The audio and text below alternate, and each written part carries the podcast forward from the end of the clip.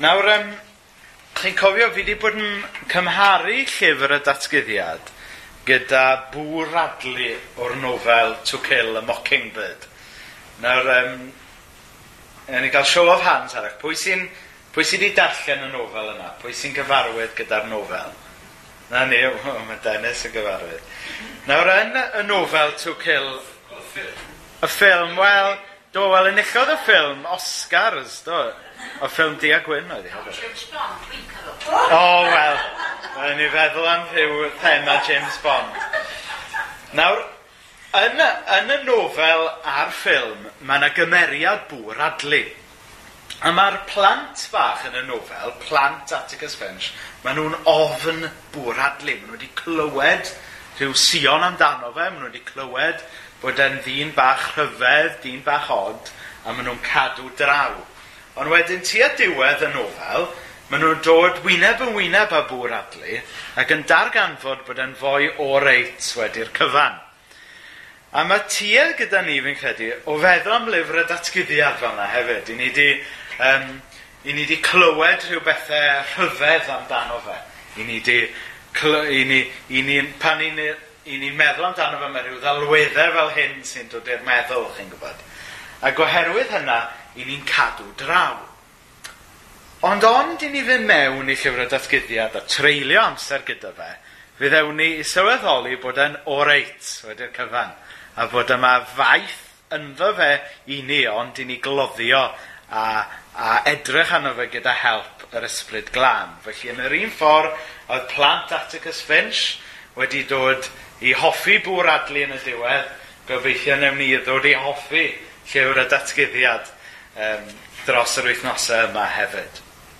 Nawr, um, chi'n falch o glywed, fel i fi wedi dweud o'r blaen, bod ni ddim yn edrych ar y lyfr y datgyddiad i gyd, neu fydda petaswn ni'n cyhoeddi bod ni am fynd trwy llyfr y datgyddiad i gyd, fydda, fydda carsalem y wag y sir wedyn. Ond, ond beth i ni wneud ydy just edrych ar penod 2 a 3, lle mae yna gyfres o negeseuon i eglwysu Asia sef Twrci heddiw.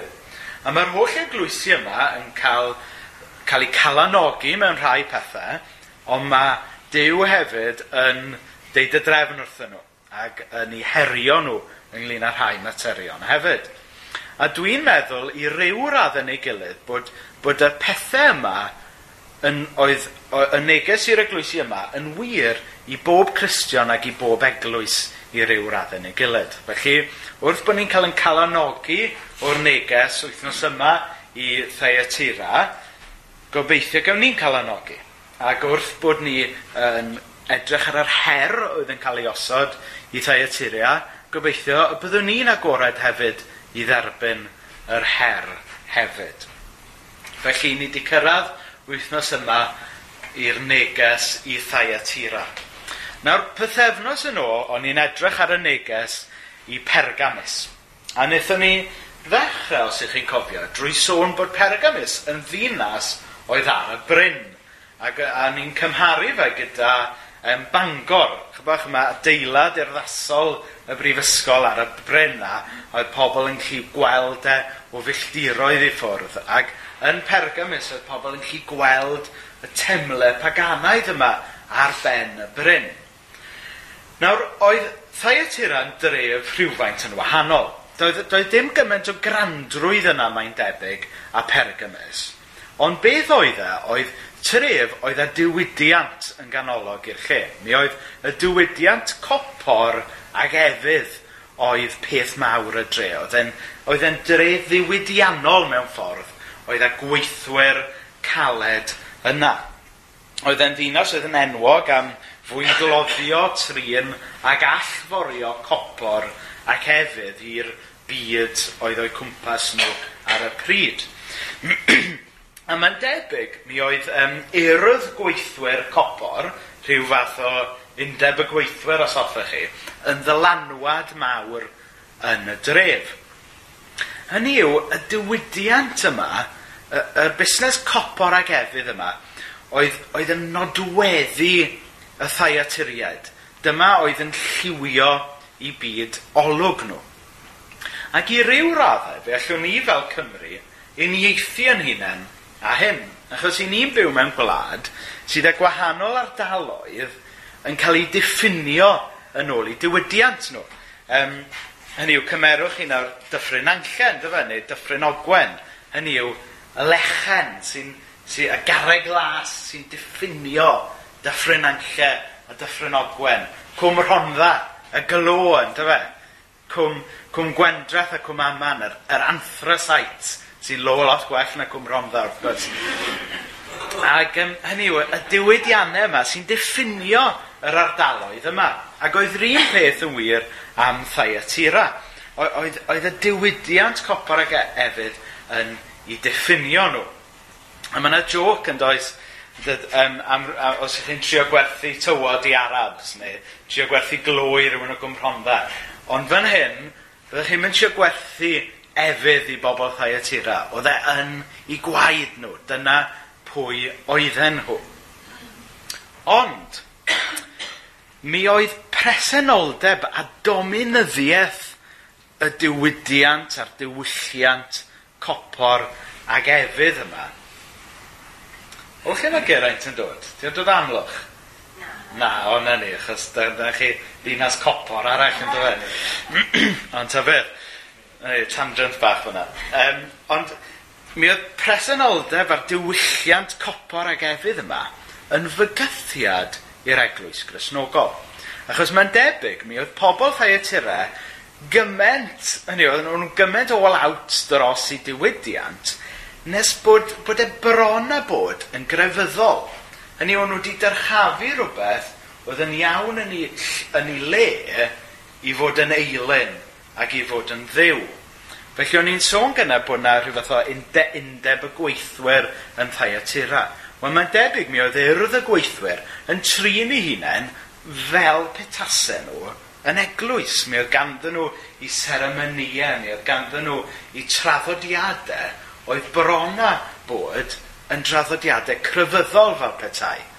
Felly, yng nghanol yr, yr set-up rhyfedd yma, bydd ganddo chi y Cresnogion yma yn trio um, dilyn Iesu Grist tra oedd gweddill y dref yn trin y dywydiant yma fel petasa fe yn ddiw.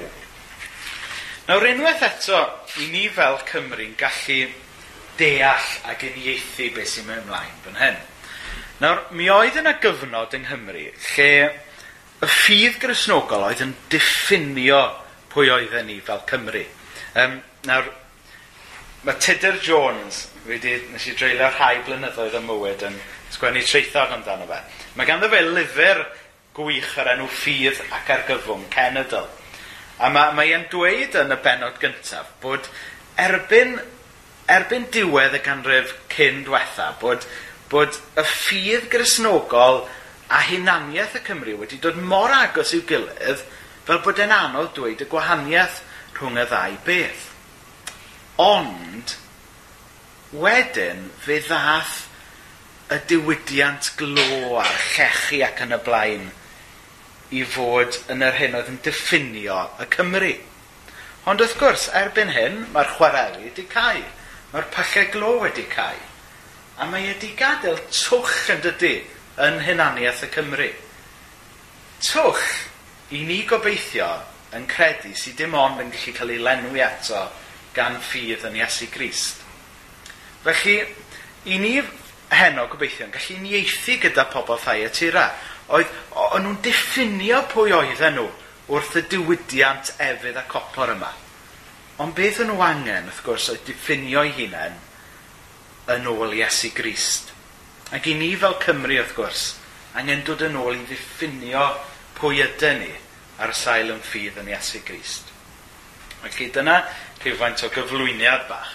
Nawr yn adnod 19, i ni'n um, i ni'n cael yr anogaeth i'r Cresnogion yn Thaiatira. Gwn am dyweithredoedd, dy gariad, dy ffydd, dy wasanaeth, dy ddyfal barhad. A gwn fod y weithredoedd diwethaf yn fwy lluosog na rhai cyntaf. Felly dechrau gyda gair o anogaeth. Hynny yw, mae'n amlwg fod y Cresnogion yma yn Thaiatira yn bobl sydd wedi byw i Iesu Grist. Maen nhw'n bobl sydd yn caru, maen nhw'n bobl sydd yn credu, maen nhw'n bobl sydd wedi gwasanaethu. Maen nhw'n bobl sy'n dyfal barhau. Hynny yw, i ni'n cael nodweddion person sy'n dilyn Iesu Grist fan yna. A mae e'n dweud bod, bod y nodweddion yma wedi amlhau yn y cyfnod mwyaf diweddar. Felly mae'n dechrau wrth i cael calanogi nhw. Um, ond wrth gwrs, fel yr holl negeseuon eraill i'r eglwysi yma, mae yna ond yn dod. Chyfa fel fel mae rhywun yn dod i chi, mae gyda fi newyddion da a newyddion drwg. Pa'n ti eisiau clywed gynta? A mae Dyw yn rhoi dy newydd da iddyn nhw gynta. Achos, mae'n mynd mlaen wedyn, yn adnod 20, i roed y newydd drwg fel petai. Ond y mae gennyf hyn yn derbyn. Dy fod yn goddef y wraig honno Jezabel. Nawr, I ni wedi dod ar draws Jezebel o blaen. Oes rhywun yn gwybod lle yn y Beibl? Ie, yeah, mae'n dod, mae Jezebel yn un o gyfoeswyr y proffwyd Elias. Ac, um, ac oedd hi'n rhyw jaden fach na ddylanwadu ar y brenin achab a dylanwadu ar lot o bobl ddiw hefyd i gyfaddawdu i ffydd. Oedd hi'n dweud wrth pobl, wel, Allwch chi gael rhywfaint o Iawe, y gwir ddew, allwch chi gael rhywfaint o bal, allwch chi lunio a byw bywyd sŵt bynnag i chi eisiau. Oedd, un, oedd Jezebel yn arwen pobl lawr y ffordd anghywir. Um, oedd hi'n dweud, oedd hi'n twyllo pobl i feddwl bod chi'n gallu addoli'r gwir ddew, ond hefyd addoli rhyw ddewi arall os oedd hwnna yn cymryd eich ffansi chi. Felly beth sydd gyda ni fan hyn yw nid bod Jezebel yn llythrenol wedi atgyfodi a dod nôl, ond bod ysbryd Jezebel fel petai wedi ymdreiddio mewn i'r eglwys yn Thaiatira. Hynny yw, yn y bôn, um, ysbryd cyfaddawd, yn dyfa. Nawr, mlaen yn adnod um, 21 a 22, um, i ni'n darllen fel hyn. Um, Ond mae gennyf hyn yn derbyn dy fod yn goddef o wraig honno Jezebel sy'n galw ei hun yn broffwydes a hithau'n dysgu ac yn twyllo fy ngweision i byteinio a bwyta pethau y berthwyd ei lunod. Rhoddais amser i iddi a difarhau, ond yma'n gwrthod edif arhau am ei ffyteindra. Wele, bwriaf hi weli cystydd, a rhai sy'n godinebu gyda hi i o'r orthrymder mawr, os nad edif arhant, am ei gweithredoedd hi. Felly, be sydd gyda ni fan hyn yw sôn bod y Jezebel yma wedi arwen rhai o'r eglwys i byteinio ac i odynebu. Nawr mae'r pyteinio a'r godinebu yma'n gweithio ar ddau lefel yn ôl yr esbonwyr. I ddechrau, mae rhai o'r Cresnogion wedi cael eu temptio i biteinio a godinebu yn ysbrydol fel petai. Hynny yw bod nhw wedi mynd i fel bod yn iawn iddyn nhw fynd i ymddidda na dywiau eraill. Bod yn iawn iddyn nhw fynd i botran gyda crefyddau a traddodiadau paganaidd yn hytrach na aros yn ffyddlon i'r gwir ddew. Ond wrth gwrs, i ni'n gwybod fod crefyddau paganaidd y pryd yn cynnwys lot o anfoesoldeb rhywiol. Felly, felly mae'n siŵr bod rhai yn nhw yn dyrus iawn wedi mynd i ymhel a ffiteindra a god, godinebu yn llythrenol hefyd. Felly mae'n ddifrifol ac yn drist iawn be mae'r dylanwad yma wedi gwneud o fewn yr eglwys yn Thyatira. Hynny yw, yn y bôn mae dylanwad Jezebel wedi strywio yr eglwys a'r Cresnogion yn Thyatira. Hynny yw, mae'r Cresnogion yma wedi mynd i feddwl bod rhyw gyfaddawr bach yn iawn, ond mae cyfaddawr bach wedi mynd yn fwy. A'r peth nesaf, mae bywydau nhw ar chwal am y tystiolaeth yr eglwys ar chwal, achos bod nhw wedi anghofio bod Iesu Grist yn rhoi y cyfan iddyn nhw bod angen iddyn nhw aros yn ffyddlon i Iesu Grist, ond maen nhw wedi mynd i ddilyn rhyw lwybrau eraill. Ac yn ddifrifol iawn mae'r adnodau yma'n dysgu, mae pen llanw y pechod yma ydy marwolaeth yn dyfa. Mae pen llanw'r drygioni yma ydy marwolaeth ac ni'n gweld hwnna fe. Welon ni hwnna ym mywyd Jezebel ei hun a ni'n gweld y rhybydd yna eto fan hyn. Ond, mae'r gair yn dweud hefyd bod yna ffordd yn ôl. Mae'r adnodau yma'n dweud bod Dyw yn galw nhw i edif ar i ddweud sori ac yna derbyn y maddeiant. A mae hwnna'n hyfryd, ydy? Hynny yw falle bod yna rai ohono ni yma heno'n timlo bod ni wedi mynd ar chwal i ryw raddau. Nawr fi'n gweithio fy neb yma wedi mynd i ymhela peteindra, ond fi'n siŵr bod yna bethau llai falle yn bywydau ni wedi mynd ar chwal fy petai. Ond mae Dyw yn galw ni nôl. Mae Dyw yn galw arno ni i edifarhau a derbyn y maddeiant yna mae e wedi trefnu trwy i aberth ar y groes. Hynny, wy'n ni'n cael y fraint o addoli Dyw sydd yn rhoi ail gyfle A mae hwnna'n hyfryd, yn dydy? Hynny yw, sy'n di gwaith nag oes na ffrindiau sydd ddim yn maddau, ffrindiau sydd ddim yn rhoi ail gyfle i chi. Ond mae'n ffrind penna ni, Iesu Grist, yn maddau. Mae e yn rhoi ail gyfle. Mae e hyd yn oed yn rhoi cynnig i'r bobl yma sydd wedi meso lan go iawn i ddweud sori a derbyn y myddeiant a dod nôl. Mae mynd mlaen wedyn um, tua'r diwedd i sôn ynglyn â'r wobr fel petai, mae'r rhai sydd yn aros yn ffyddlon Iesu, neu'r rhai sydd wedi edryfarhau a dod nôl at Iesu yn ei gael. Mae e'n dweud wrthyn nhw, reit, chi'n meddwl bod chi'n mynd i gallu ennill y byd nawr, ond drychwch, os chi'n dilyn Iesu Grist, chi'n dilyn yr un sydd ag awdurdod ar y cenhedloedd a bydd yn llywodraethu hwy ac wialen heian. Mae lurer hwy fel chester pryd. Hynny yw pan ni'n cael yn galw i ddilyn Iesu Grist, ni'n cael yn galw i ddilyn brenin y brenhinoedd, arglwydd yr arglwyddi. Nawr yn Thaiatira, oedd pobl yn meddwl mae'r diwydiant copor ag efydd yma oedd, oedd et, tybod, oedd Mae'n bwysig bod ni'n rhan o hwn. Tybod, ac sy'n golygu cyfyddawdi'n ffydd, wel, so be it. Mae'n bwysig i ni fod yn rhan o hwn. Ond mae'r adnod yma'n dweud, adnod 27, bod, bod Iesu mor bwerus, mae'n gallu dinistrio y diwydiant copor ag efydd fel yna, mewn un clic. Achos dydy pethau'r byd yma ddim yn para byth. A mae hanes diwydiant llechi a diwydiant glo Cymru yn dweud wrthyn ni bod ni fel Cymru wedi bod yn ffôl i roed yn ffydd yn y diwydiannau yna. Chos dydy nhw ddim yma nawr, na gen. Ond mae teirnas nefoedd a mae eglwys i Grist dal i sefyll. Felly, problem y bobl yma yw bod nhw wedi rhoi gormod o ffydd yn eu diwydiannau, yn eu pethau materol, yn eu pethau tymor byr yn hytrach na pwysa ar Iesu Gris sy'n para beth. Mae'n bwysig bod ni ddim yn gwneud yr un camgymeriad. Mae'n bwysig bod ni ddim yn rhoi gormod o, o'n hyder am ffydd ym mhethau'r byd yma. Mae eisiau ni roi popeth i Iesu Grist sydd yn para beth.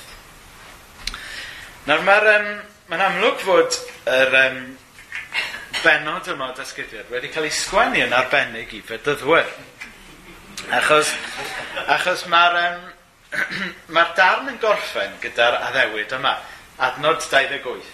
Fel y derbyniau sy'n ei hefyd, awdurdod gan fy nhad, rhof iddo hefyd seren y bore. Nawr, em, nawr dwi e ddim fan hyn yn sôn am, am fynd i'r news agent a prynu'r Morning Star.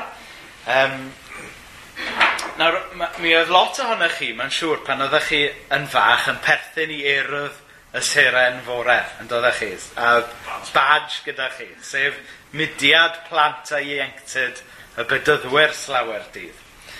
A, a dyma fe, y, y seren y bore. Iesu yw seren y bore. Ond mi oedd y ddelwedd yma ynglyn â seren y bore yn dod o fyd cosmoleg, byd y seryddion, Achos beth oedd Seren y bore oedd y blaned Venus. Nawr, peth cyntaf un yn y bore, just cyn bod y wawr yn torri, i chi'n gweld seren lachar yn yr awyr, mae'n debyg. Ac um, wi, wi dal yn gwely, ond... Just cyn bod y wawr yn torri, chi'n gweld seren lachar. A beth yw'r seren lachar yna? Ydy rhyw rhyw reflection ar y blaned, Venus. Um, a mae'r seryddion a'r cosmolegwyr, pan maen nhw'n gweld y fflach yna, maen nhw'n gwybod bod y wawr ar fi'n torri. Nawr, mae'r un peth yn wir am Iesu Grist, ac felly dilynwyr Iesu Grist. Mae'n i ni yw'r fflach yna sy'n cyhoeddi bod y wawr newydd ar fi'n torri. Hynny yw, ni yw'r fflach yna sy'n cyhoeddi bod teirnas nefoedd ar fi'n gwawrio, ar fi'n torri trwyddo. A mae e'n hyfryd, yn dydy? Dychmygwch nawr yr, yr um, diwch oedd yn Thyatira gyda'r pobl yma a dda'r berthynas rhyfedd yma gyda'i diwydiant nhw, bod nhw'n bron a bod, bod nhw'n addoli i copor a'i diwydiant. Yng nghanol y tywychwch yna, mae'r Cresnogion yma'n cael ei galw i fod yn seren fore, y fflach yna sy'n cyhoeddi bod y wawr newydd ar dorri, bod Iesu Grist yn dod. Ac i ni yn byw er, wrth gwrs, ar ddwrnod heddi, diwrnod braf fel heddiw, mae ni'n gallu gweld trwy tywychwch yn byd ni. Ond i ni yn byw mewn byd anodd, i ni yn byw mewn byd o dywyllwch. Dyna pam bod Iesu yn galw ni i fod yn seren fore i, i fod yn fflach yng nghanol y tywychwch yma sydd o'n cwmpas ni. Felly, gobeithio bod ni wedi gweld unwaith eto heno yn llyfr y datgyddiad, ond i ni gloddio, ond i ni gael help yr ysbryd glân, bod na bethau yma sydd yn gallu yn cael anogi ni. Felly, yn gyntaf, gobeithio bod ni wedi dysgu i wylio allan rhag ysbryd Jezebel i ni wylio allan am y bobl yna neu'r pethau yna sy'n gallu yn temtio ni i ddilyn rhyw lwybr arall yn hytrach nag aros gyda Iesu Grist. Ac yn ola, gobeithio bod ni wedi'n calanogi gyda'r ffaith bod ni yn dilyn Dyw sydd yn maddau, bod ni'n dilyn Dyw sydd yn frenin brenhinoedd, sydd yn ben ar y cenhedloedd, a'r cyffro yna bod ni'n dilyn y seren fore, bod ni'n perthyn i urdd y seren fore. Er mwyn i enw. Amen. Amen.